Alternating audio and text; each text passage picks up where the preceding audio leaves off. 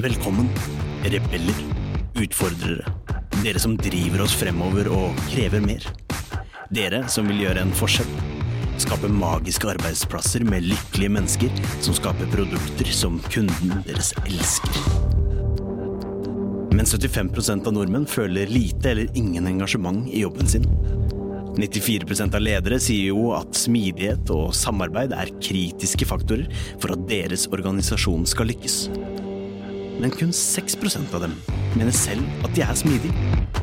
Dette er podden som vil inspirere, gi deg konkrete tips og verktøy som vil hjelpe deg med å skape endringsdyktige organisasjoner med høyt engasjerte og motiverte ansatte som lager uslåelige produkter. Med smidig-coachen, kurs- og foredragsholderen Ida Kjær. Ved sin side har hun kurs- og foredragsholderen, smidigtransformatøren og topplederen Tobias Falkberger. Sammen har de over 20 års erfaring med å jobbe i og lede smidige team og organisasjoner. Nå kjører vi! Hei, og velkommen til en ny episode av Smidigpodden. Tiden flyr, og vi er allerede på episode 31. Ja, det går så fort. Det går så fort, og det er utrolig gøy. Og vi har fått veldig mye nye lyttere i siste. Det syns vi er utrolig gøy. Men så er det kanskje sånn, eh, jeg vet ikke om man er lov å si, men eh, det er viktig å um... Å verdsette våre faste lyttere òg. Ja, det er det jeg prøver å si, i hvert fall.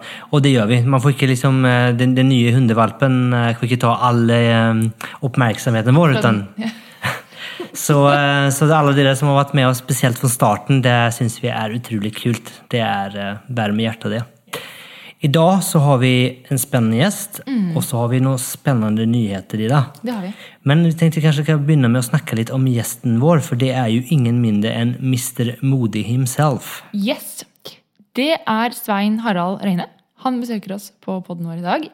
Eller vi har allerede hatt besøk av han. Eh, og det har vært en kjempeinteressant prat. Den varte faktisk i 50 minutter. Og da følte jeg ikke engang at vi Jeg følte vi hadde masse, masse mer å snakke om. Eh, Så det er en veldig, veldig fin episode. Jeg håper dere liker den. Og finner det inspirerende. Og jeg tenker det er jo, Vi hadde en liten prat eh, før eh, Svein Harald kom, om eh, modig og i relasjon til smidig. Og jeg tenker at det henger ekstremt godt sammen, for mye av det vi gjør i smidig, handler om å være modig. Og det er kanskje gans, eller det er, ikke kanskje, det er veldig skummelt. Det med å kanskje hele tiden lære av, av å feile, av å prøve nye ting, av å være åpen, av å gi tillit. Det er så mye smidig som krever et utrolig stort mot. Så jeg håper at eh, dagens episode vil gi deg kanskje noen verktøy for å forstå det litt bedre og kunne jobbe med motet deres litt mer. Ja, enig. Eh, Men jeg tenker at vi skal ikke fortelle altfor mye om Svein Harald. Det kan han godt gjøre selv, men bare en sånn liten teaser. så Han har skrevet bok. Han er kanskje en av de mest eh, si, kjente foredragsholderne her i Norge. Ja, inspiratorene. Inspiratorene. En, eh, en veldig hyggelig, pratsom mann. Ja, så, så det her blir bra. Ja. Jeg må si, jeg gleder meg. Jeg skal lese den boken. Han solgte den til meg. Så bra. Men først, før dere leser boken, så må dere høre på podden. Ja, det må dere gjøre. Og vi har jo også, det har vi jo nevnt, at vi har jo jobbet eh, netter og helger, men i hvert fall kvelder og helger. Og over tid. Og vi har vel tatt oss litt vann over hodet. Det, kan man si. det kan man si. Men Ja. nå er, eh, er vi født, holder jeg på å si. Vi er, eh, vi er liksom, redo. Mm. redo, vi er klare. Så det vi har jobbet med under så lang tid, er nå lansert med denne episoden. Mm. Og det er vårt smidigkurs. Ja. Og det er jo da hele fire timer med forelesninger.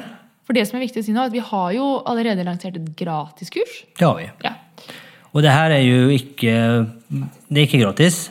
Ehm, Men det, man får så veldig mye mer. Og det er så bra! Det er så bra. Ja. Så det er liksom alt vi har lært og alt vi kan, har vi liksom kokt ned til fire timer forelesning. Ja. Det er quiz, det er refleksjonsoppgaver, det er eh, Resources. Ja, så en hel, hel pakke. Alt du kunne tenke deg.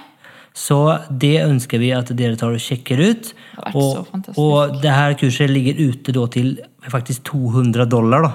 Men eftersom dere lyttere er så viktige for oss, så har vi fått til en liten deal. Så for dere så koster det bare 10 dollar. Ja. Eh, Så det er jo eh, Det skal jeg ikke regne i hodet nå, men det er, fall, det er vel nesten ingenting mot hva det egentlig koster. Og lenken til det finner dere i beskrivelsen. Yes. Og med det så tenker jeg at vi drar i gang episoden. Men før det så har vi en liten eh, gjest, vil jeg på å si. Det er ikke det, men vi har en liten beskjed fra, Arvid. fra Arvid. Så jeg tenker vi slipper inn Arvid, og sen kommer Svein Harald. Så nå kjører vi. Unnskyld at jeg forstyrrer deg midt i denne superspennende episoden, men jeg må bare fortelle deg noe. Forresten, det er meg, Arvid, fra introen. Er du en som ønsker å utfordre, drive oss fremover og kreve mer? Gjøre en forskjell og skape magiske arbeidsplasser? Men du bare vet ikke helt hvordan. Da har jeg noe som kan hjelpe deg. Tobias og Ida har laget et kurs. Kurset gir deg forståelsen og den smidige tilnærmingen du trenger for å tenke nytt om de organisatoriske byggeklossene, strategi, mennesker, prosess, struktur og teknologi. Lenke til kurset finner du i episodebeskrivelsen. Velkommen, Svein Harald, til podkasten vår. Veldig hyggelig at du ville komme. Tusen hjertelig takk. Veldig hyggelig at jeg får lov å være med. Har du lyst til å starte med å fortelle litt om deg selv? Det kan jeg. Dette er jo en av de tingene som veldig mange eh, sliter med. Det å bare introdusere seg selv. Hvor skal du starte, og hvor skal du eh, slutte? Um, og jeg husker eh, Jeg må nesten nevne første gangen jeg skulle introdusere meg da jeg begynte i min første jobb, så var det en samling i Lilleborg hvor vi var eh, ti nyansatte som begynte samtidig. Så hadde vi da en samling med alle ansatte, og, og jeg var sist i alfabetet. Og når de andre da begynner å introdusere seg, så så begynner jo du å planlegge hva du skal si. Og da tenkte jeg skal jeg fortelle at jeg er født i Haugesund. Eh, Det var kanskje å gå litt langt bak i tid, men at jeg kom fra Langesund, følte jeg var viktig. At jeg hadde gått på befalsskolen, det følte jeg var viktig. Og så plutselig så lyttet jeg med det ene øret på de andre som skulle introdusere seg. Og, og hadde lagt merke til hvor utrolig trygge alle andre virker. når de introduserer seg. Og da ble jeg så nervøs. Jeg ble så kjempenervøs. Eh, Men så fortsatte jeg å planlegge, så tenkte jeg jeg må jo fortelle at jeg er siviløkonom og studerte i Edinburgh. Og så var dette i 1994, da skulle jeg gifte meg med Lene, så da tenkte jeg det må jeg, det må jeg fortelle. Og plutselig så reiste da salgssjefen seg opp, og så sa han ja, nå har vi fått en ny en i salg. Eh, Nå kan han introdusere seg selv. Og idet jeg reiste meg opp da, så fikk jeg helt jernteppe. altså. Alt jeg hadde planlagt, det bare forsvant ut av hodet. Så det eneste jeg klarte å si, var Hei, mitt navn er Svein Harald Røyne. Merk dere navnet. Fantastisk. Så, og det gjorde det, gitt. Eh, Så det, ja, jeg har jo, jeg har jo referert til den eh, episoden noen ganger. Men det var min måte å introdusere meg på da. Og, i ettertid så har det jo blitt så veldig mye mer å ta med i den listen, egentlig. Eh, for jeg har jo jobbet i Orkla i mange år. Hvis vi skal snakke om, om jobb. Og, og da jobbet jeg, eh, jeg jobbet i Stabburet etter Lilleborg som markedssjef der, med Nora-porteføljen. Lansert Noras hjemmelagde syltetøy, blant annet. Oi! Oi. og så jobbet jeg i Gilde Norge som marketingdirektør. Eh, og så har jeg jobbet som salgsdirektør i Nidar, der jobbet jeg i syv år. Og har lansert masse spennende. Nidar Favoritter blant annet, var jo en av de tingene som lanserte i den perioden. Eh, og, eh, og så avsluttet jeg eh, min karriere i næringslivet eh, i et vinkonsern som heter Altia Corporation. Som er finsk vinkonsern, som nettopp nå skal fusjonere med Arcus. Det var eh, tilsvarende Arcus i Finland. Så jeg ledet de norske, de norske selskapene. Fem, fem norske selskap. Ehm, Så det ledet jeg, før jeg da i 2010 startet for meg selv. Og bestemte meg for at jeg skulle bli en, hva skal vi si, en inspirator, foredragsholder, lederutvikler og coach. Og det har jeg gjort siden da. Så moro. Så har du skrevet bok. Og så har jeg skrevet bok, ja. Ja. Ehm, Jeg ga den ut i 2015, en bok som heter Modig. Finn ditt hverdagsmot. Og det er jeg veldig stolt av. Eh, Og, og mest stolt fordi jeg prokras- prokrastinerer så mye. og at jeg i det hele tatt har klart å skrive en bok, er eh, helt utrolig. Men, eh, men det klarte jeg da, og, eh, og den har fått en fantastisk mottagelse. Og har gjort så stor forskjell i manges liv, basert på de tilbakemeldingene jeg får. Så det, så det gjør meg jo både veldig ydmyk og veldig stolt. Jeg var faktisk og så litt før du kom her, og så at det var jo, eh, i alle fall da jeg kikket, så var det bare femstjerners reviews. Så det er jo utrolig, utrolig kult, da. Så, Ja, altså eh, Tilbakemeldingen er veldig bra, og, mm, og boken er skrevet veldig annerledes enn andre selvutviklingsbøker. For de fleste selvutviklingsbøker eh, sitter jo forfatteren og snakker til deg. Mm. Forteller hva du skal gjøre for de, innenfor de forskjellige områdene. Men, eh, men i boken så er eh, Som leser så er du med flue, som en flue på veggen. Og så er det jeg som tas igjennom en prosess sammen med en inspirator. Som tar meg med på en reise hvor jeg eh, hva skal vi si, tester ut hverdagsmotet mitt i praksis.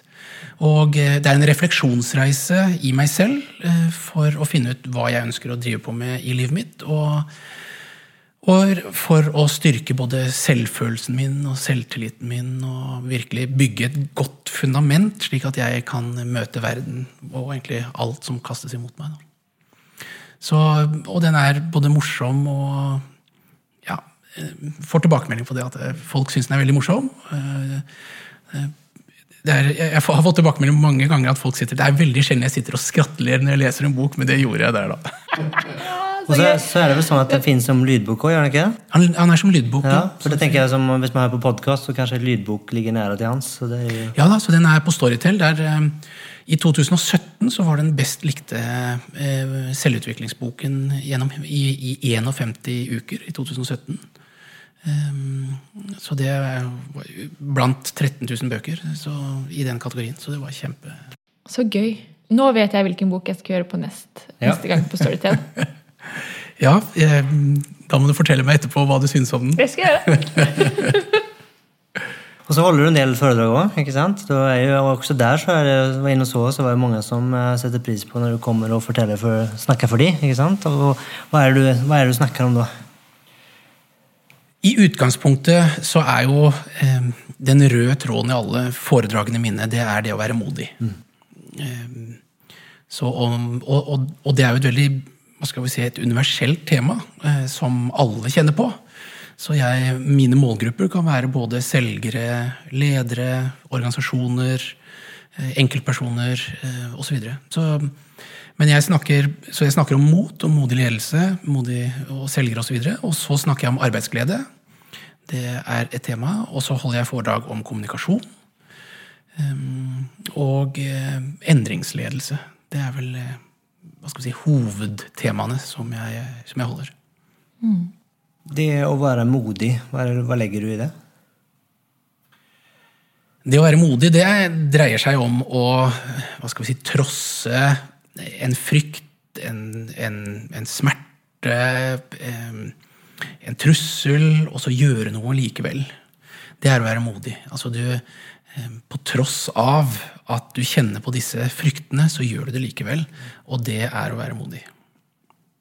Så jeg pleier å si at du kan ikke være modig hvis du ikke er redd. Hvis du ikke kjenner på frykt, så er du ikke modig. Så hvis ikke du er redd for å hoppe i fallskjerm, så er det modig å hoppe i fallskjerm da. Vi andre kan synes at de personene er det, men den personen som hopper, er nødvendigvis ikke det. Og for meg, når jeg står foran 500 mennesker og holder et foredrag på en scene, noe som regnes for å være noe av det verste folk kunne tenke seg å gjøre i sitt liv, um, og jeg ikke er redd for det, så er jo ikke det noe modig. Mens andre kan se på meg og si 'Å, du er utrolig modig'. Men, uh, men det er det ikke.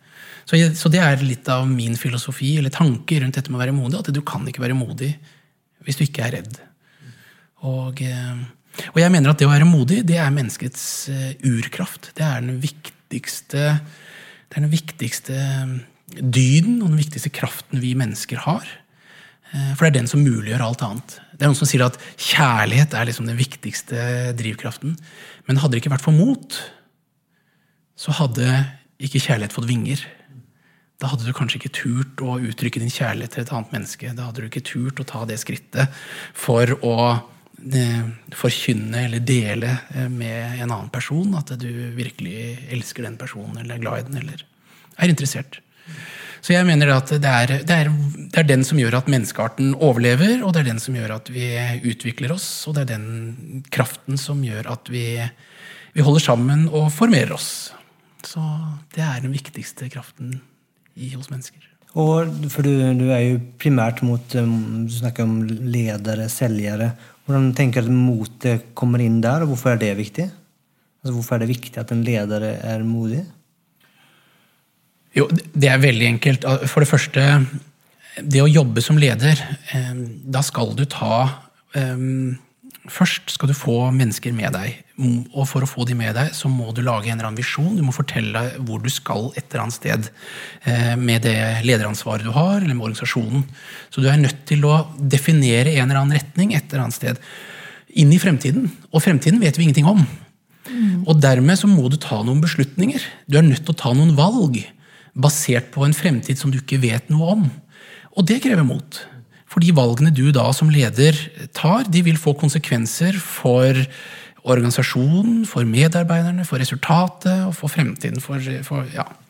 så, så, bare det i seg selv krever, eh, krever mot. Så kan det hende at ledere ikke kjenner så mye frykt på det, men de kjenner veldig frykt på det hvis de har feilet en gang. Mm.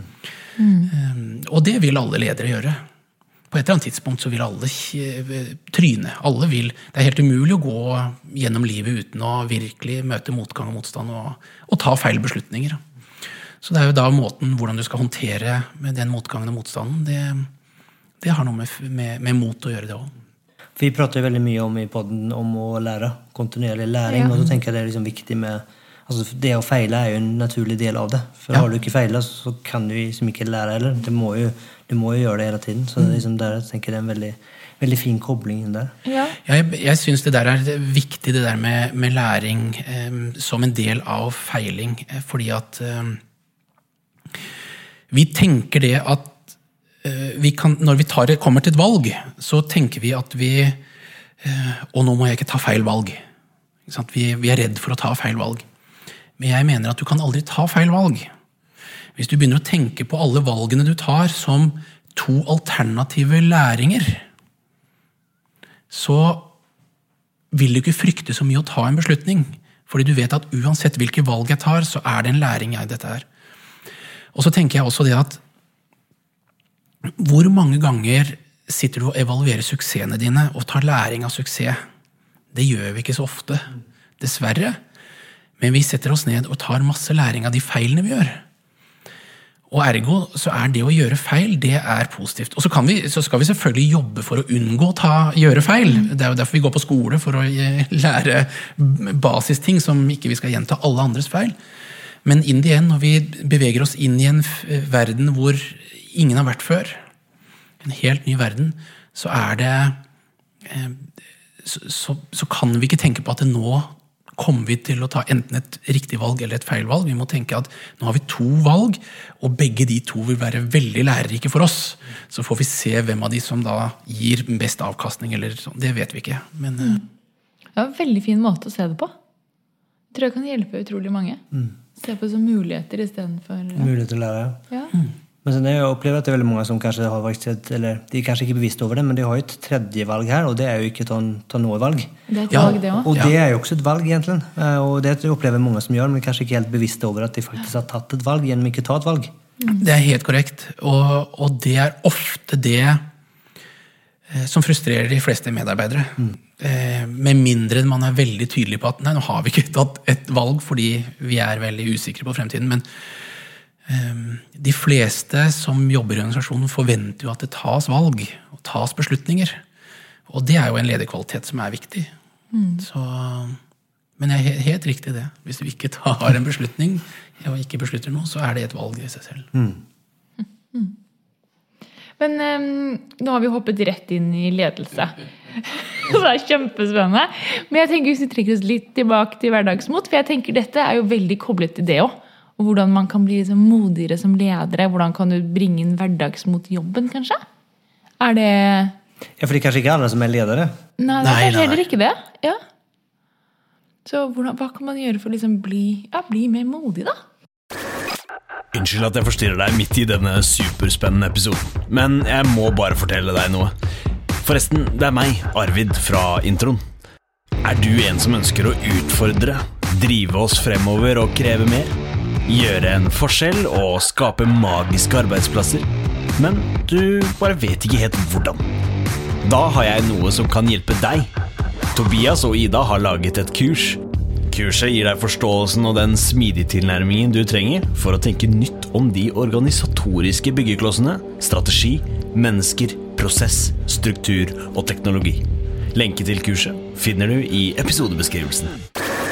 Hva man kan gjøre for å bli mer modig? Ja, altså, det er jo det er mye du kan gjøre for å bli modig. Eh, Men før vi kan begynne å snakke om det, så tror jeg det er viktig å snakke om hva er det som begrenser oss. Fordi at eh, vi mennesker vi blir begrenset av frykt. Som sagt, Du kan ikke være modig med mindre du er, redd. redd. Og det å bli bevisst på hva slags frykter vi mennesker har, det tror jeg er ganske viktig for hver og en. fordi da, med en gang du begynner å forstå mekanismene, så er det også mulig å gjøre noe med dem. Men hvis du bare kjenner en eller annen udefinerbar frykt, og ikke klarer å sette ord på det, så blir det også vanskelig å ta tak i det og, og tråkke gjennom den frykten, tenker jeg da. Um, og det er jo sånn at vi mennesker, vi har, eh, vi har tre eh, Eller vi har egentlig bare født med to frykter. Biologisk Ja. så har vi bare to frykter som, eh, som vi har med oss. Og det er gjort mye forskning på dette. Og, og de to fryktene vi har, det er frykten for eh, høye lyder. Ja. Og det andre er frykten for å falle. Det er de eneste fryktene vi mennesker har som er, vi er født med, som er biologisk. Alle andre frykter er tillært. Dette forklarer så mye. Ja, så, det, så, så frykt for høyder er en biologisk frykt. Og frykten for høye lyder. Så Når, noen, når noe smeller, og så hører du ikke barn begynner å gråte, men selv vi voksne, med en gang du hører en, en sånn høy lyd, sånn, så, så kvekker vi til. Så vi kjenner på det. Så det er det eneste biologiske. Og Alle andre, alle andre frykter vi har, de er tillært. Oi. Um, og det som er tillært, det kan avlæres, selvfølgelig. Men vil det si at høydeskrekk er egentlig en frykt fordi det kan være konsekvens av frykten for å ville falle? Eller er høydeskrekk Ja, ja, er- dagens er konstruert? Mm. Ja, det er biologisk, ja. Så, um, men deretter så har vi da tre, tre nivåer, eller jeg i hvert fall definerer som tre nivåer på frykter. Og, og første nivå det er det jeg kaller overflatefrykter. Og det er de vi snakker om. ikke sant? Jeg er redd for edderkopper. Eller redd for å falle. Eller, eller redd, for, redd for å fly. Redd for høyde. Redd for å ta heis. Redd for å holde en tale. Redd for å stå opp for meg selv i en forsamling. Redd for eh, store forsamlinger. Ikke sant? Det er, Dette er frykter som, som vi mennesker har. Og det er overflatefrykter, og de er åpenbare. Men, men de forteller egentlig liksom ikke det, hva er det egentlig som skjer. Og det skjer nemlig på de underliggende psykologiske fryktene. Ehm, Så det er nivå to. Og der har vi fem frykter. Og det er frykten for eh, å bli avvist. Og så er det frykten for å bli avslørt. At du ikke er god nok. Mm. Og så er det frykten for å bli latterliggjort og ledd av. Og så er det frykten for å miste noe du allerede har. Altså de gode navn og rykte, mister jobben, mister livet. eh, Og så til slutt mm, frykten for det ukjente. Og, eh, og jeg kan jo beskrive mye om disse, eh, disse fryktene. Men, eh, men de fryktene det er de underliggende psykologiske fryktene som begrenser oss.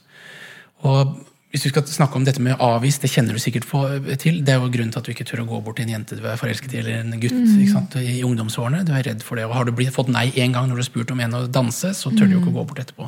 Så den frykten for å bli avvist. Og den tar vi jo med oss inn i voksenlivet. Um, og, og, og du ser um, Se hva russen gjør, for, eksempel, for å forsøke å være med på en russebuss. Altså, de står jo på hodet, og de går på tvers av sine verdier og hva de står for, eller hva de har med seg hjemmefra, for å være med på en buss sammen med mennesker som de kanskje ikke engang trives med, eller som de ikke har noe felles med, annet enn at de vil være der. For at det å bli holdt utenfor, det er så forferdelig. Da. Så den følelsen for å bli avvist er kjempesterk.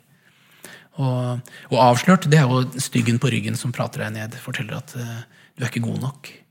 Uh, imposter syndrom kjenner du sikkert til. Hvor, uh, eller eller bløff-syndromet. Hvor eh, vi rett og slett bløffer oss og snakker oss ned. Det er styggen på ryggen. Jeg liker det uttrykket styggen på ryggen. Jeg synes det er veldig beskrivende for den stemmen som snakker. Så Vår verste fiende har vi jo med oss hele livet. Blir jo aldri kvitt den. Det er den eh, styggen på ryggen. Og jeg sier jo det at eh, Apropos hvordan du skal bli modigere. Én måte for å håndtere den på, er å skape et alter ego hos deg selv. Eller jeg pleier å kalle det stjernen i hjernen. Altså en eller annen, ja. en eller annen, et eller annet alter ego som snakker imot styggen på ryggen. Sånn at det blir en kamp der. Du har den styggen på ryggen, det er tydelig, men, men hvem er det som skal kjempe mot? Hvem er det som skal tale din sak, den positive saken, som virkelig kan fortelle at styggen på ryggen ikke har rett? Og, da, og det å definere en sånn eh, identitet, et alter ego, det mener jeg er en veldig effektivt verktøy. Um, Marit Bjørgen hun, hun, hadde en tiger som sitt alter ego, eller som stjerne i hjernen. Mm. Så hver gang styggen på ryggen sa at du orker ikke mer, nå tar de andre deg igjen, så var det en tiger. Ja, jeg er tiger, jeg skal klare det. Og så, så den snakket imot, og snakket ned styggen på ryggen, slik at den ble liten. Mm. Og jeg, jeg blir jo omtalt som Mr. Modig. Og for meg så er det nå blitt mitt alter ego. Så når jeg gjør mm. ting jeg ikke tør, og kjenner frykten komme, så tenker jeg, og styggen på ryggen sier at 'dette må du ikke gjøre', dette, du kommer til å drite deg ut, osv. Så, videre. så kommer det en eh, 'ja, men du er jo mister modig, dette takler du, du har gjort det mange ganger før'. Og så, og så gjør jeg det, da. Mm. Så det er en måte for meg å, å takle den, eh, den, frykten der på, for å bli avslørt. Men den har vi jo alle sammen. Eh, mm. Om du er kong Salomon eller Jørgen Hattemaker. Jeg, jeg kjørte nå kabriolettur. Jeg har jo et selv en sånn på kabriolettur med Røyne, et konsept mm. som jeg har, og som jeg også har som podkast. Og, um, og det hadde jeg med Gu tidligere Google-sjef Jan Grønbæk. Ja. Og, og, han sa det at han kjente på den derre imposter-syndromet og den frykten for å bli avslørt hele tiden. Var inne i forsamlinger, møttes mennesker som kanskje han så opp til, og så, videre, så kjente han plutselig Hva gjør jeg her? Mm. Altså, Er jeg god nok til å være sammen med disse menneskene? Og jeg hører dette gang på gang. Så det, så det er en eh, Den frykten der, den er veldig sterk. Mm.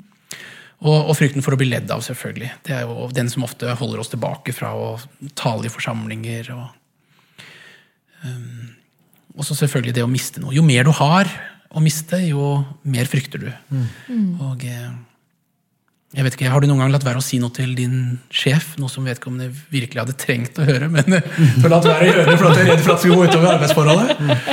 Det er det veldig mange som har gjort. ikke sant? Eller latt være å si noe til en, en, en venn, noe som vedkommende virkelig hadde trengt eller fortjent å høre, men så har du latt være å gjøre det for at du er redd for å gå utover forhold, eh, mm. forholdet. Mm.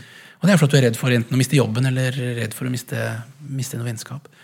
Så, så, jo mer du har eh, å miste, eh, jo jo mer holder du deg tilbake da, fra å, å, kanskje si det som hadde vært riktig å gjøre, eller som du burde gjøre.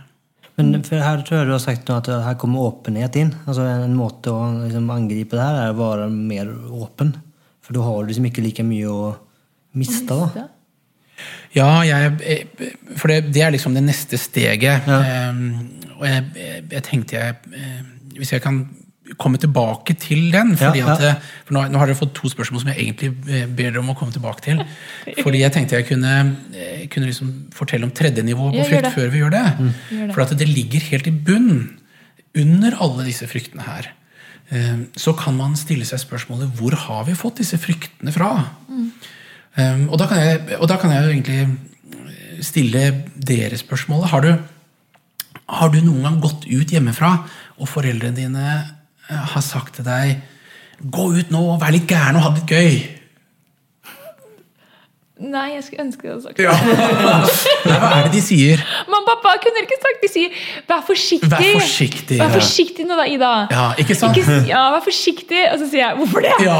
Jeg vil ikke være forsiktig! Nei. Men det er akkurat det de sier. Helt fra vi er bitte små, så har de jo sagt det hver gang går ut. Vær forsiktig, pass på det, ikke, sånn, ikke fall, ikke slå, ikke gå på veien. Ikke sant? Og hva er det de da sier? Jo, da sier de at verden er farlig. Ja. Og du er ikke i stand til å håndtere det. Du er ikke i stand til å takle det. Det er det vi får prentet inn i oss. Men det de egentlig sier, er at de projiserer sin frykt på oss. For de vet ikke om de er i stand til å takle hvis du skulle bli skadd. Hvis skulle bli, det skulle skje deg noe. Så, så de projiserer sin frykt på oss. Og der, Det er egentlig alle frykters mor, som jeg kaller den underliggende. og det er at Vi er redd for at vi ikke klarer å takle alt det livet kaster imot oss.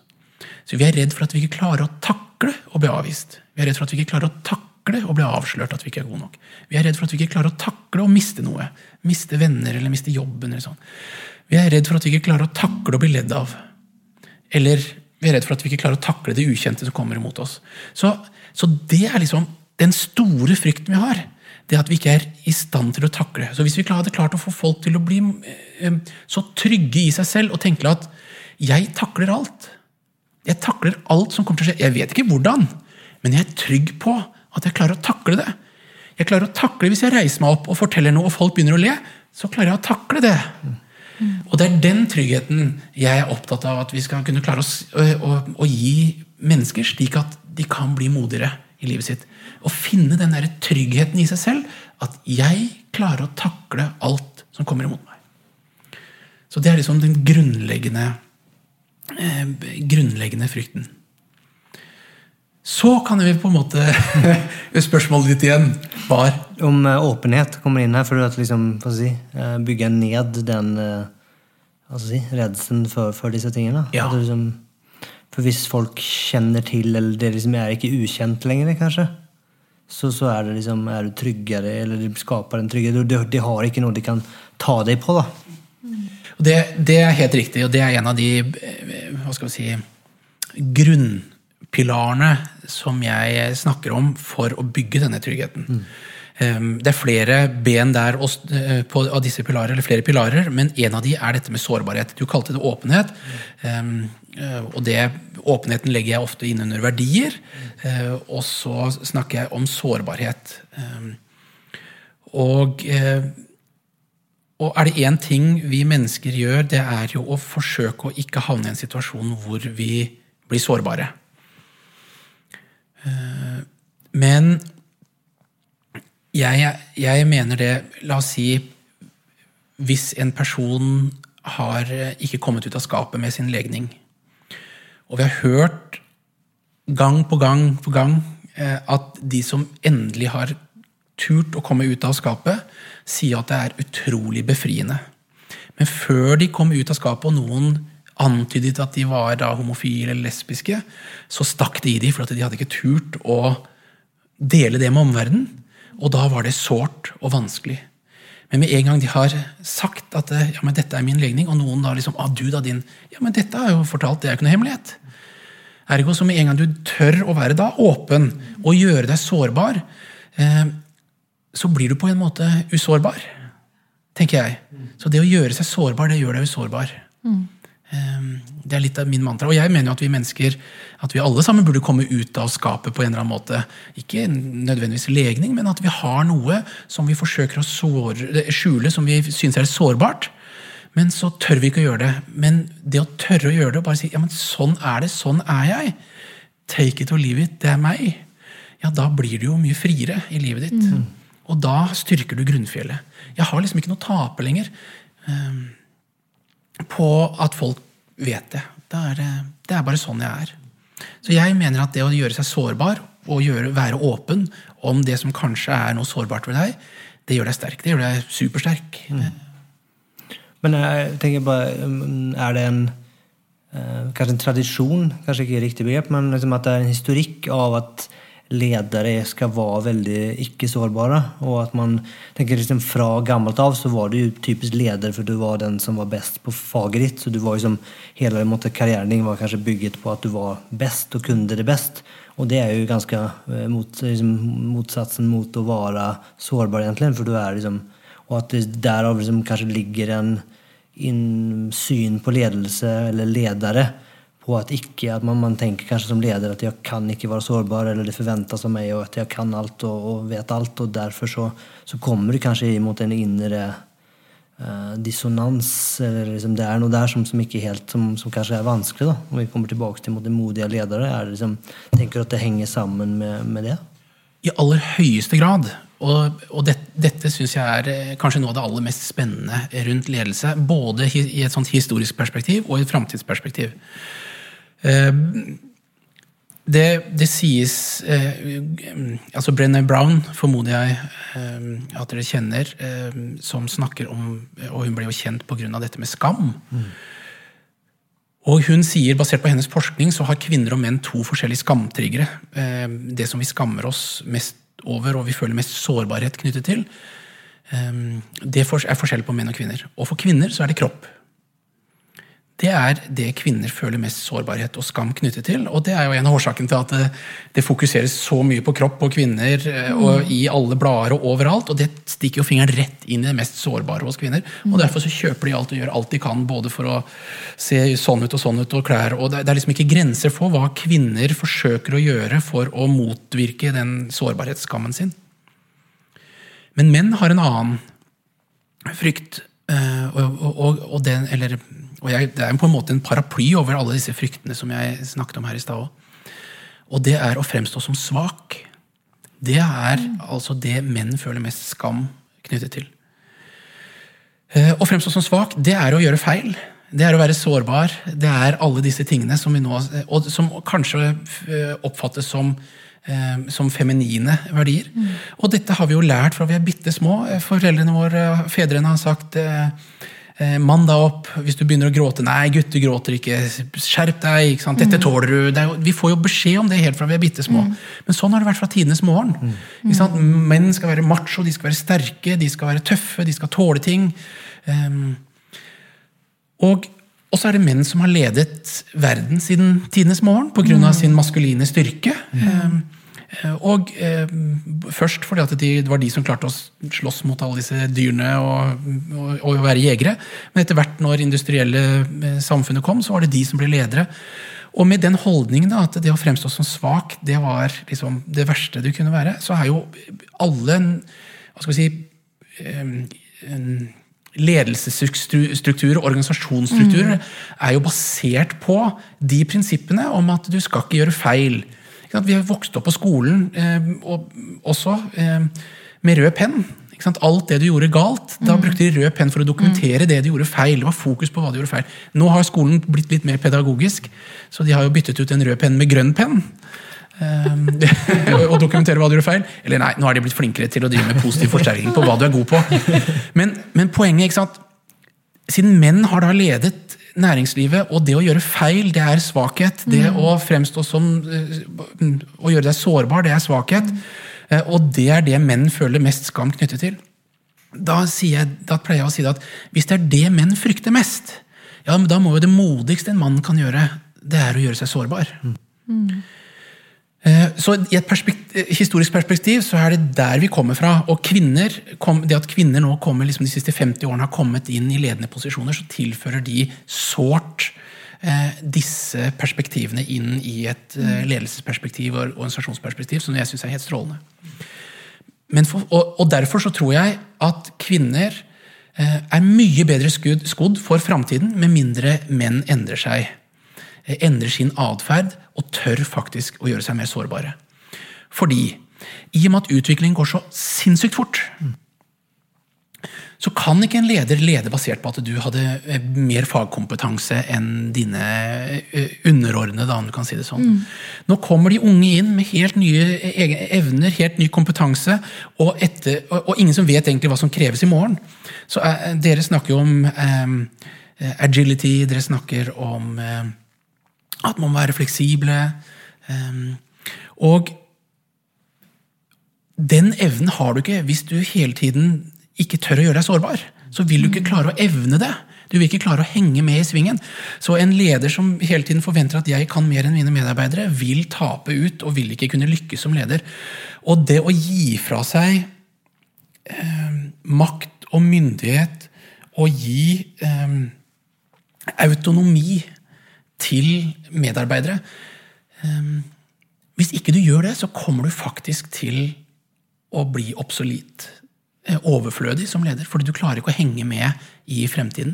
Og, og det mange menn gjør, da, deres svar på at de ikke har kontroll, det er at de blir mer autoritære.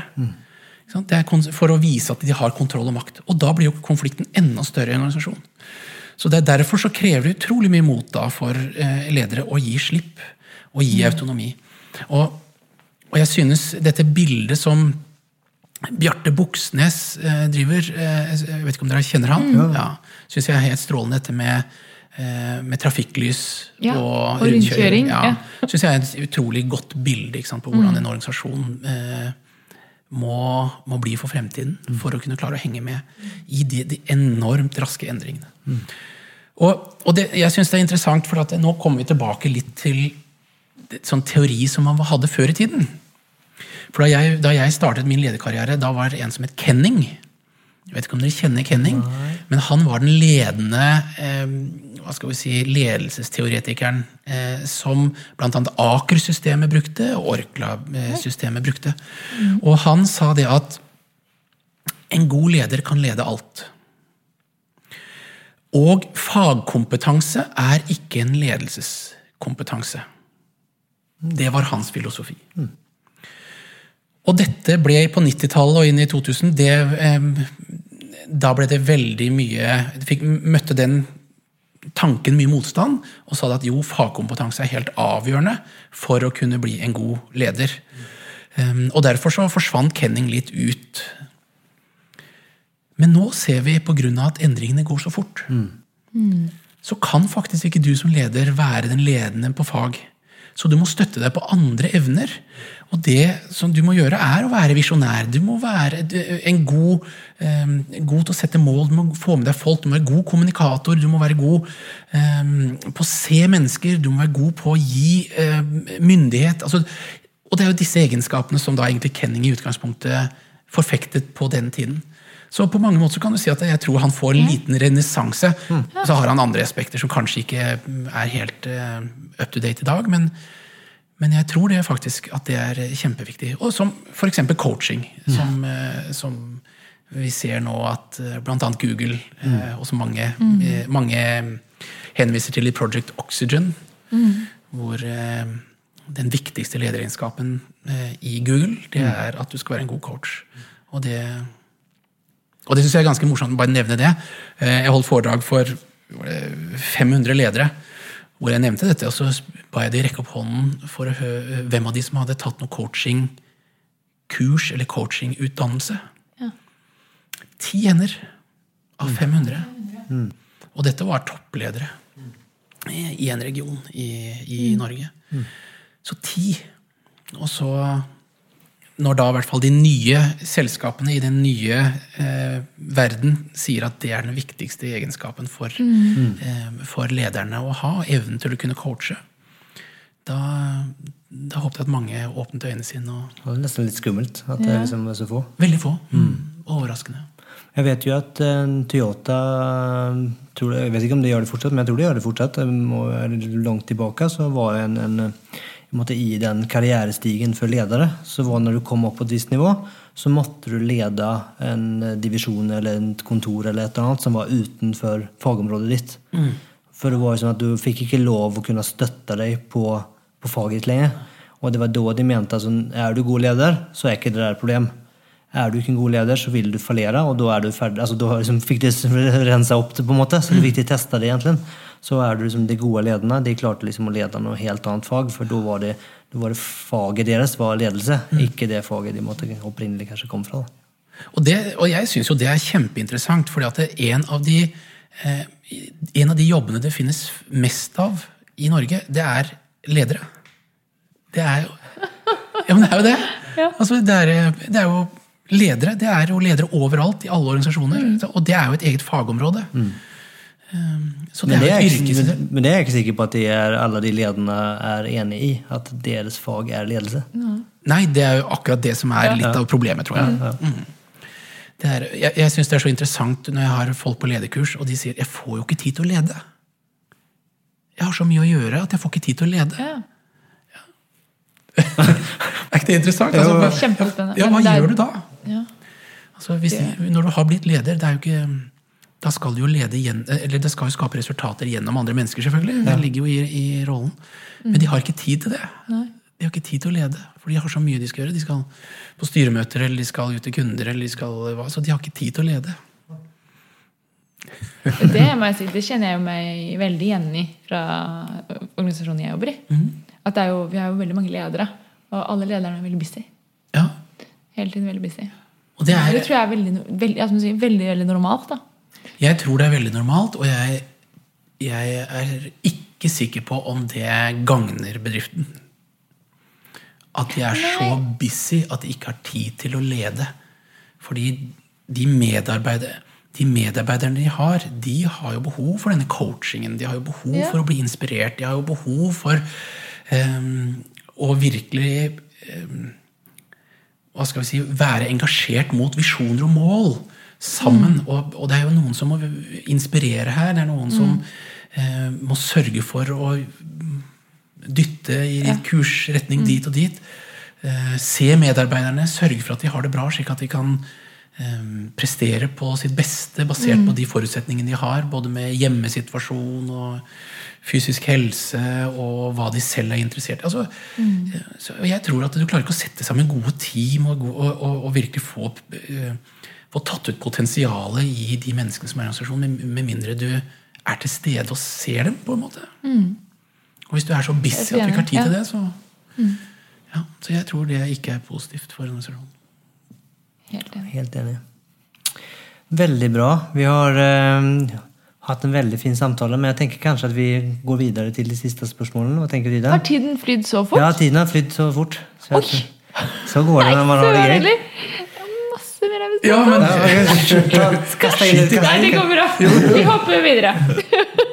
vi kan ta de siste spørsmålene.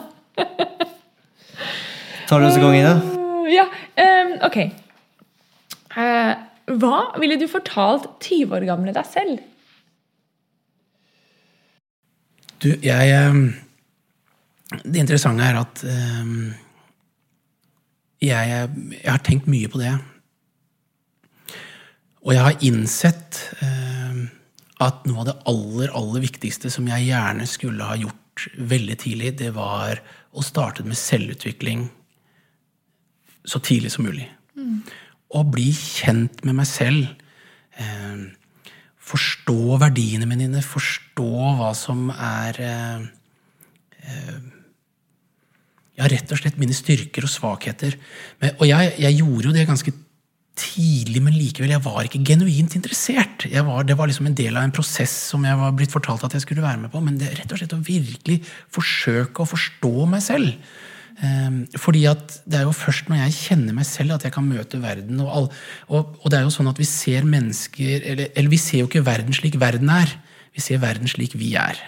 Vi ser det gjennom våre filtre, vi ser det gjennom eh, våre forvrengninger og generaliseringer og alt vi har i hodet, pluss våre verdier og holdninger og trosystem osv. Og, så og det å virkelig forstå dem så tidlig som mulig og begynne å jobbe aktivt med det fra et ung alder, det vil jeg si er kanskje noe av det aller viktigste. Jo mer du forstår deg selv, jo bedre tror jeg du vil kunne møte verden. Så det, det vil jeg sagt til meg, Svein Harald. Forsøk å drive med å utvikle deg selv eh, ved siden av jobb, eh, uansett, så mye du kan. Mm. Og søk å bli kjent med deg selv på, på alle mulige måter. Mm. Men det kanskje er eh, jeg tenker det, det kommer litt kanskje med eh, alder og modenhet òg. Så det, jeg vet ikke hvor, jeg tror det er vanskeligere kanskje når du er ung, men det betyr ikke at det er mindre viktig. Jeg tror du har helt rett i det. Modenhet og erfaring betyr mye. Mm. Og det å tryne og det å kjenne på alle disse tingene, eh, det tror jeg er kjempeviktig. Men jeg har møtt en del unge som er utrolig reflektert. Mm. Som ja, som virkelig du, du, føler de kanskje de er, Om de er 20 år, så er de 35, føles det som de er 35. Mm. Hvor de virkelig har reflektert over livet, hvor de kan virkelig spare med deg. De, og, og, det, det, og det, er så fantastisk å møte sånne personer. Og jeg må si det at um, begge mine barn har uh, brukt mye tid på dette. De har vært på selvutviklingskurs, eh, Silva-metoden, eh, fra de var barn. Og det har gjort dem begge to så utrolig reflektert. Og jeg lærer så utrolig mye av dem. Mm. Eh, for, fordi de klarer å sette ting i perspektiv, og de kjenner seg selv. og de er virkelig opptatt av det. Så, nei, jeg, jeg, jeg, har møtt, Og de er bare et eksempel, men jeg har møtt andre da, også utenfor som, så jeg tror du kan, ehm, du kan fremskynde modningsprosessen ganske mm. dramatisk hvis du er bevisst og har et genuint ønske om å, eh, å gjøre det. Mm. Og der ligger jo nysgjerrighet. da. Mm. Så, så, det er vel kanskje også det andre jeg ville si, og det er vær nysgjerrig. Um, og jeg har et eksempel på det å ikke være nysgjerrig. Um, og dette kommer egentlig um, Det er også, også en lederegenskap, mener jeg kanskje er noe av de viktigste lederegenskapene. Å være nysgjerrig. Jeg hadde Da sønnen min var eh, Det er jo seks år siden nå. Seks-syv år siden. Nei, enda mer, kanskje. Eh, Så sønnen min han eh, ble ertet eh, og utestengt fra kompisgjengen. Og det var en av grunnene til at han begynte med data. Han satt jo i sin egen lille verden og holdt på med data, og det bekymret jo oss foreldre. Og En dag så gikk jeg til sønnen min og sa at eh, vi må gi deg forbud mot å sitte på data og game så mye. Eh, Så, eller ikke forbud, men du skal få lov å sitte én time i ukedagene og halvannen time i helgen. Men du kan få lov å sitte på PC-en så mye du vil. Så lenge du bruker resten av tiden til noe du kan lære noe av. For Vi kunne ikke ta fra han det som var hans lille livslinje når han, ikke, når han ble utestengt. Og da begynte han å engasjere seg, og, han brukte den tiden. Og det er en av grunnene til at han er så god nå som 25-åring, at det store selskap som Ferd og andre bruker han på dette her. Han driver for seg selv. Men for syv år siden, da han holdt på med dette en god stund, så sier han til meg, 'Pappa, kan jeg få lov å kjøpe bitcoin for 1000 kroner?' Og hva tror du min reaksjon var? Kjør på. Nei, altså, er det, er det så lurt, eh, liksom? Og jeg, for dette var noe jeg ikke kunne noe om. Og den umiddelbare reaksjonen når du møter noe fremmed, er jo at du da automatisk går inn i en sånn beskyttelsesmodus eller eh, skepsis og sånn. Istedenfor å være nysgjerrig. Jeg skylder sønnen min 20 mil, jeg. Hadde han investert de 1000 kronene, ikke i dag så er det ikke 20, da, 11,5 mill. Hadde han investert det, så hadde han hatt 11,5 millioner kroner. Fordi jeg sa nei, for han har alltid sett opp til meg.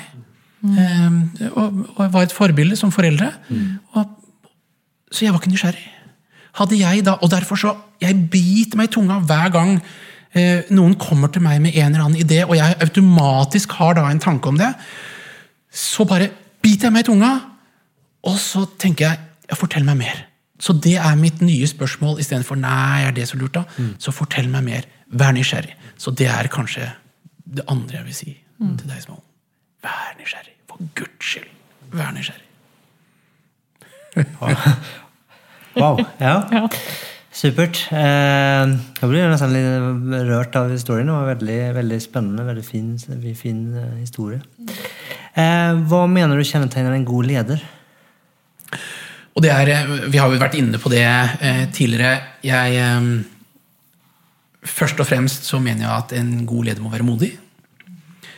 Og så en god leder må være visjonær. En god leder, og, virkelig kunne tegne ut kursen. En god leder bør være, være god på å sette mål, så må man være god til å kommunisere. For du skal jo få med deg folk. Så, og det er jo oppgaven til en leder å få med seg folk. Uten å få med deg folk, så, så klarer du ikke å skape de resultatene.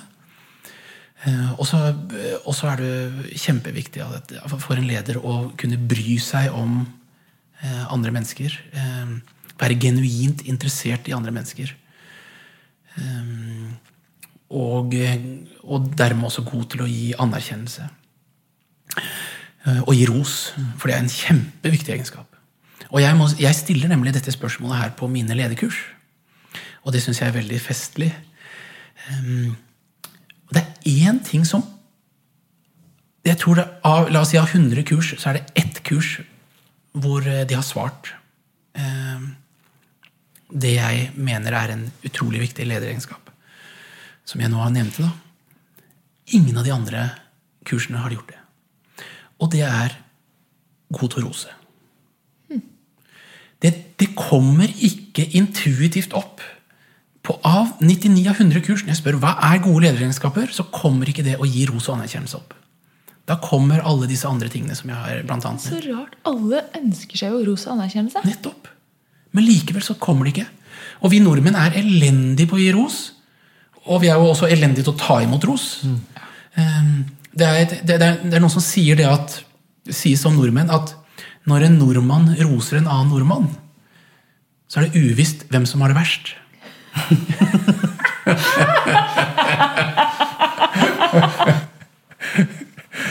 Så nei, Vi er ikke gode til det. Men det er også en utrolig viktig e- lederegenskap, eh, tenker jeg. Jeg bare tenker det kan få, Spesielt når man er som tredjepart, så det blir fort veldig liksom, sånn kleint. Spesielt når liksom man begynner å nesten bortforklare seg. Så du har gjort noe veldig bra, så får du ros for det, og så begynner du plutselig liksom å si nei, men nei, men det var ikke så bra. Og Så, så blir, liksom, blir liksom hele situasjonen blir på en måte bare verre og verre, bare for liksom, bare takke for å være liksom, litt glad og litt stolt for at du liksom har gjort noe bra, og at folk setter pris på det. liksom. Jeg, kjører, jeg kjører eget, egne kurs i å skape en anerkjennelseskultur. Så eh, Hvor jeg lærer da eh, Hvor de trener på en teknikk på hvordan du skal gi ros. Og så trener de på å ta imot ros. For begge deler er viktig. Og ta imot ros er jo faktisk veldig enkelt. Det er bare å si 'tusen takk'. Det satte jeg veldig pris på. Det ble jeg glad for. Bare fortelle Selvfølgelig skal ikke bare fortelle det du føler, for det kan hende du føler deg kleint. Så si 'tusen takk, det var kleint'. Men det vet jeg faktisk noen gjør, og dette syns jeg var flaut. Det er noen som sier det. Men bare det å si 'tusen takk', det satte jeg pris på. Å lære seg det, så, så enkelt er det. Det bestemte jeg meg faktisk for for mange år siden. For jeg følte jeg var så dårlig på å ta ros. Så bare så skjønte jeg det selv. Så tenkte jeg bare, nei, nå skal jeg bare begynne å si takk. Ja. Så da bare begynte jeg sånn Takk. Tusen takk. Og vi, men jeg tenker at hvis du da samtidig sier en setning til som sier 'det satte jeg pris på', Ikke sant? Ja. da, da, da, da, snur du lyskasteren fra deg og litt over på den andre som faktisk har gitt seg tid til å gi deg rosen. Ja, som så blir det liksom forsterkende, kanskje. Ja. Ja. Mm. Så, um, um, så passe på at ikke takken blir en veldig sånn kort takk. Takk. Takk, ja. Og du var utrolig flink. Takk. Takk. Den er god. Så tusen takk, det satte jeg veldig pris på. Det var veldig hyggelig å høre. Det, Ja. ja. Så, um, men det er jo, jeg vet det. Jeg, jeg, har, jeg har et teknikk på det. det en, en, en kamerat av meg spurte om akkurat det. For han liker ikke å være i rampelyset i det hele tatt. Og han har en jobb som han er veldig mye i rampelyset, så det passer han kanskje egentlig ikke. Eh, og da kommer folk opp til han og sier liksom, å, det var utrolig bra, og, kjempe, og gir masse ros. Eh, og, da, og da vet jeg ikke hva jeg skal si. Og da ga jeg henne et lite tips, og da sa jeg at da må du aller først si takk. Tusen takk, det satte jeg veldig pris på. Og så kommer liksom det geniale. Så spør du men hva var det du likte aller best? Og da snur du spotlighten tilbake på de. Og da begynner de å printe. vet du. De- Jo, jeg synes det var kjempebra. Sånn. Og da slipper du å liksom stå der og liksom måtte ta den hvis ikke du syns det er behagelig. Ja. Er bra Det er tips. Ja. Tips. Kjempebra teknikk. For de som er mer beskjedne. Ja. Resten av oss kan bare si tusen takk. Og bare kose seg. Det gjør jeg òg. All right. eh, Neste spørsmål det går jo på om du har noen tips til de som ønsker å etablere en mer smidig kultur? Eller Ja, Vi kan si, kan si endringsdu ja, endringsduktig. Kanskje. Vi har jo pratet litt om mot og, og liksom kanskje stå litt i den endringen som vi Vi er veldig mye inne på endring, egentlig. Så liksom, hvor man vil liksom ha en organisasjon som, som er litt Kanskje tåler eh, endring bedre. Ja, Det er jo så mange, mange tips eh, man kan gi det for å, få, eh, for å tåle endringer eh, bedre. Et, selvfølgelig dette med å bygge en psykologisk trygghet er jo alfa og omega. Um, og der igjen, for å gjøre det, så må jo lederne gå foran som et godt eksempel med å være veldig tydelige når de har gjort noe feil, f.eks. Uh, som et, en måte. Um, slik at det, de ufarliggjør det å gjøre feil og skape en trygghet rundt det. Det tror jeg er viktig. Jeg tror det å, å ha veldig tydelige forventningsavklaringer eh, eh, mellom, i, i, i en gruppe og i en organisasjon, eh, eh, det, det er jeg veldig opptatt av. Eh, og, og så tror jeg det å forstå um, hvorfor vi ikke endrer, ah, hvorfor vi ikke liker endringer så godt. Det at man har en, sånn, en bevissthet på mekanismene rundt hvorfor vi syns det er, um, er så vanskelig å endre oss. Um, og hva, det, hva som skal til for å endre, endre oss. For det er jo disse fryktene som vi har snakket om, de fem eh, underliggende psykologiske fryktene, som holder oss tilbake. Um, vi er redd, for, La oss si at du har en omorganisering. Ikke sant? Og da, da er man redd for eh, å bli avvist, at du kanskje ikke får den stillingen du har lyst på. Eh, Du er redd for å bli avslørt, det, når du kommer i en ny jobb, en ny stilling, Eh, så kanskje du har en, vært en veldig autoritetsperson i den rollen du har hatt i dag, og liksom folk har kommet til deg, og så får du plutselig en ny jobb, og der kan du ikke den så godt. Og da mister du hele din autoritet, og da blir du kanskje avslørt at du kanskje ikke er så god, eh, fordi at alle syns du var kjempegod i den forrige stillingen. Så den slår inn. Frykten for å bli latterliggjort og ledd av, ja, det er jo for at du gjør feil, og så kan du bli ledd av. Eller miste noe du allerede har i endringsprosesser. Ja, du kan miste enten jobben, eller du kan miste gode kollegaer, du kan miste et fagfelt. altså Eh, og det ukjente, ja, du vet jo ikke hva fremtiden Så, så endringer i seg selv eh, liksom, Da slår alle disse fryktene inn samtidig. Mm. Um, og det gjør jo at eh, Og så kan det jo hende at det, de som eh, Noen av de som blir pårørt av endringsprosesser, de har investert veldig mye i det som allerede uh, Sånn som organisasjonen er. så det liksom, de har alt å tape. fordi at de, Så det er så utrolig mange ting. Og, og, og så er det og så er det smertefullt å endre seg. Og vi har noen sånne endringsmekanismer som jeg tenkte å nevne også. Det er at um, vi har um, Vi mennesker gjør mer for å unngå smerte enn å oppnå glede. Ja. Vi gjør mer for å unngå smerte enn å oppnå glede.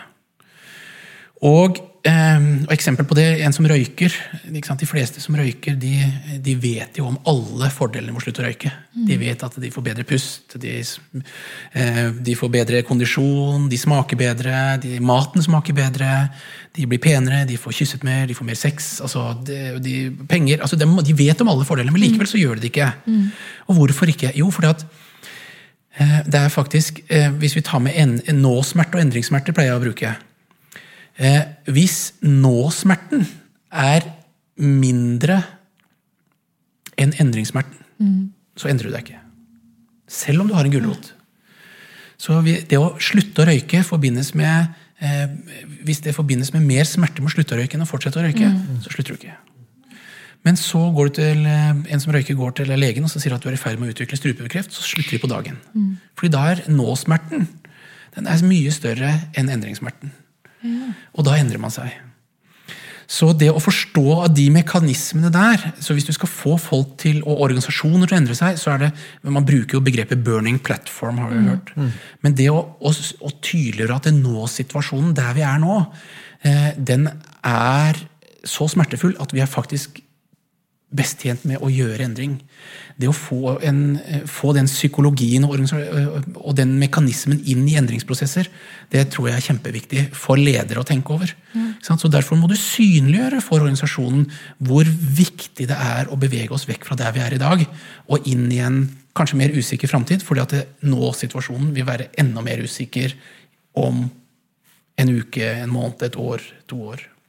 Ja, det, ja. Så, og da vil ikke det å endre seg være like smertefullt som å være der vi er nå i dag. Det er det mest smertefulle. Det minner meg litt om Jeg husker ikke hvor jeg lærte dette, men um, jeg lærte for en stund I hvert fall uansett det at uh, kortsiktig versus langsiktig liksom, motivasjon eller gain. Da. Du vil mm. alltid velge kortsiktige ja. resultater framfor langsiktige. Da. Mm. Så blir det kanskje koblet, det blir jo litt det samme, gjør det ikke? Det, det, det blir litt ja. det samme. Det, det, det, blir litt det samme. Litt samme driveren, kanskje? Jeg vet ikke. Det er liksom, ja.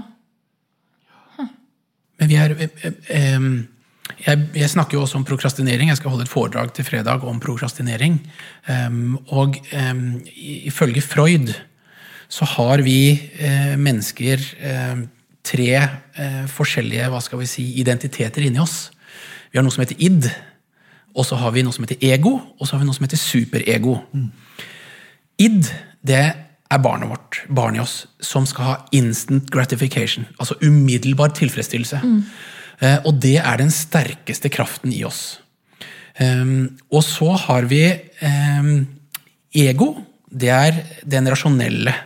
Det er, det, det, er, det er, du og meg når vi er rasjonelle. Og så har vi superego. Det er den som kjemper mot idden, som, som sier nei, du får ikke. du får ikke, fordi at, altså, Jeg har lyst på sjokolade, ja, men du er på slankekur. Og så sier da ego i midten at ok, men la oss, du kan få sjokolade til lørdag. ikke sant? Ja, du tar én bit. Ja, du kan ta én bit. ikke sant? Der har du. Og den, dette er kampen inni oss mennesker. Um, og når vi da, når de gjennomfører endringer, så vil jo da, da, er det idden som vil ha liksom Nei, jeg vil ikke. Jeg vil bare ha det bra. Jeg vil gjøre det som er gøy. Jeg vil sånn. Og det å endre seg, det er jo et helvete. Og vi vil ikke Unnskyld språket. Så, så vi vil ikke gjøre det som er vanskelig og det som er krevende på oss. Det holder vi oss tilbake. Og det er jo det som også er prokrastineringens eh, hva skal jeg si, nemesis. At vi vil, eh, vi vil eh, intuitivt så vi gjøre det som er gøy og lett og, og deilig, eh, kontra det rasjonelle, det som, tar, det som er fornuftig osv. Og, så og det også holder oss tilbake. Har du noen bøker du ønsker å anbefale? Du må jo, din egen bok må kanskje være med på lista der. ja, jeg kan ikke la være det. I all beskjedenhet så vil jeg anbefale den. Men det er flere bøker. En, eh, en bok som jeg liker veldig godt. eh, Den er jo veldig gammel, eh, men samtidig høyst relevant. Eh, Det er en som du sannsynligvis ikke har lyst til å lese når du sitter på et fly, eh, fordi tittelen er eh, 'Hvordan vinne venner'. Mm. det på engelsk så heter den 'How to Win Friends and Influence People' av Dale Carnegie. Hvis du ikke har lest den, så anbefaler jeg den. Den er utrolig bra. Og det er jo masse historiefortellinger og masse eksempler. Og, og den er jo en super måte å forstå at du aldri kan eh, At konflikter er ingen god måte å Eh, Å, å kritisere er ingen god måte å skape endring på eh, hos andre mennesker. Og påvirke andre mennesker. Eh, men en veldig bra bok. En annen bok som jeg liker veldig godt, og som jeg har eh, hatt mye glede av, det er en bok fra en dame som heter Trine Aalstedt. Eh, og den boken heter 'Alt sitter i hodet'. Og eh, hun er Norges desidert eh, ja, beste coach. Og har jobbet, eh, med NLP. og eh, har jobbet med grunnleggerne av, eller en av grunnleggerne av eh, NLP, eh, Richard Bandler. Så hun har jobbet med han som har utviklet denne metoden. Og NLP kjenner dere sikkert. Mm.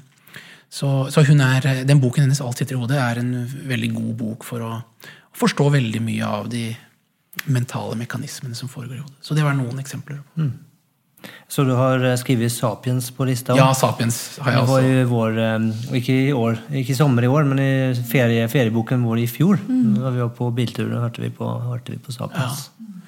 Jeg må si Da jeg satt og leste den, som Jeg har aldri streket under så mye eh, gode poeng som i den boken. Det er liksom, Hver side var det noen refleksjoner som ikke jeg har tenkt på, som jeg syns var fantastisk. Bare hvordan vi mennesker har denne eh, altså det som gjør at vi skiller oss fra andre, det er at vi klarer å forestille oss og skape. altså Forestillingsevnen vår, at vi kan se inn i framtiden, er den som gjør at vi klarer å få grupper over 150 personer. Eh, for for blir, blir, vi, blir vi over 150, så blir det maktkamp. Da klarer vi ikke å holde kontroll over de. Mens vi gjennom evnen til å forestille oss, så klarer vi jo faktisk å samle mennesker. Milliarder. mm. Innenfor religion, f.eks. Ja. penger. Landegrenser. Mm? Penger. Penger, ja.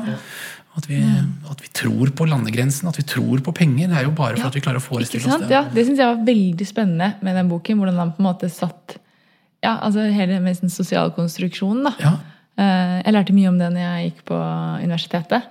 Men også liksom, når han koblet opp liksom penger og bank og liksom organisasjoner, og liksom hvordan vi har skapt dette her. Det er fascinerende. Veldig fascinerende og, og, og liksom litt aha-opplevelse. Mm. Så det, nei, for de som ikke har lest eh, den, vil jeg, de vil anbefale det. Virkelig. Supert. Yes. Men hvis man har lyst til å komme i kontakt med deg, da? Hva gjør man da? Da kan du sende meg mail, selvfølgelig. Eh, Hvis du har lyst til det, så kan du sende meg mail på initialene mine SHR. Alfakrøll mistermodig.no. mrmodig.no. Det var en fint å mene. Og, og nettsiden min er mistermodig.no. Og, eh, og så kan du jo følge meg på både Facebook, Svein Harald Røyne, eller modig.no, eller Modig, og, og på Instagram. Og LinkedIn. Så det er bare å melde seg på. Eller ringe meg. Eller ringe. Og så har du en podkast, da.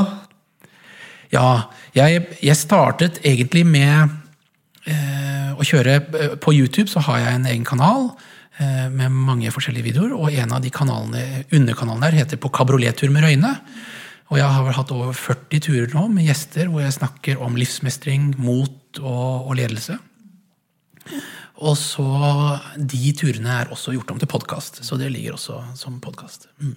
Vært inne og titta på YouTube-kanalen. Jeg må si Det er veldig interessant. Ja, ja, det er veldig hyggelig. Det er hyggelig å høre. Klikk seg inn. Ja, takk skal du ha. håper at mange har lyst til å, å, å følge med der. fordi det viktigste for meg, er, og det som trigger meg, det er jo å dele kompetanse og dele innsikt og dele inspirasjon med omverdenen, slik at eh, kanskje de som ser på, gjør én liten endring i livet sitt. Og hvis de gjør det, da, da er jeg veldig glad og veldig fornøyd. Kjempebra.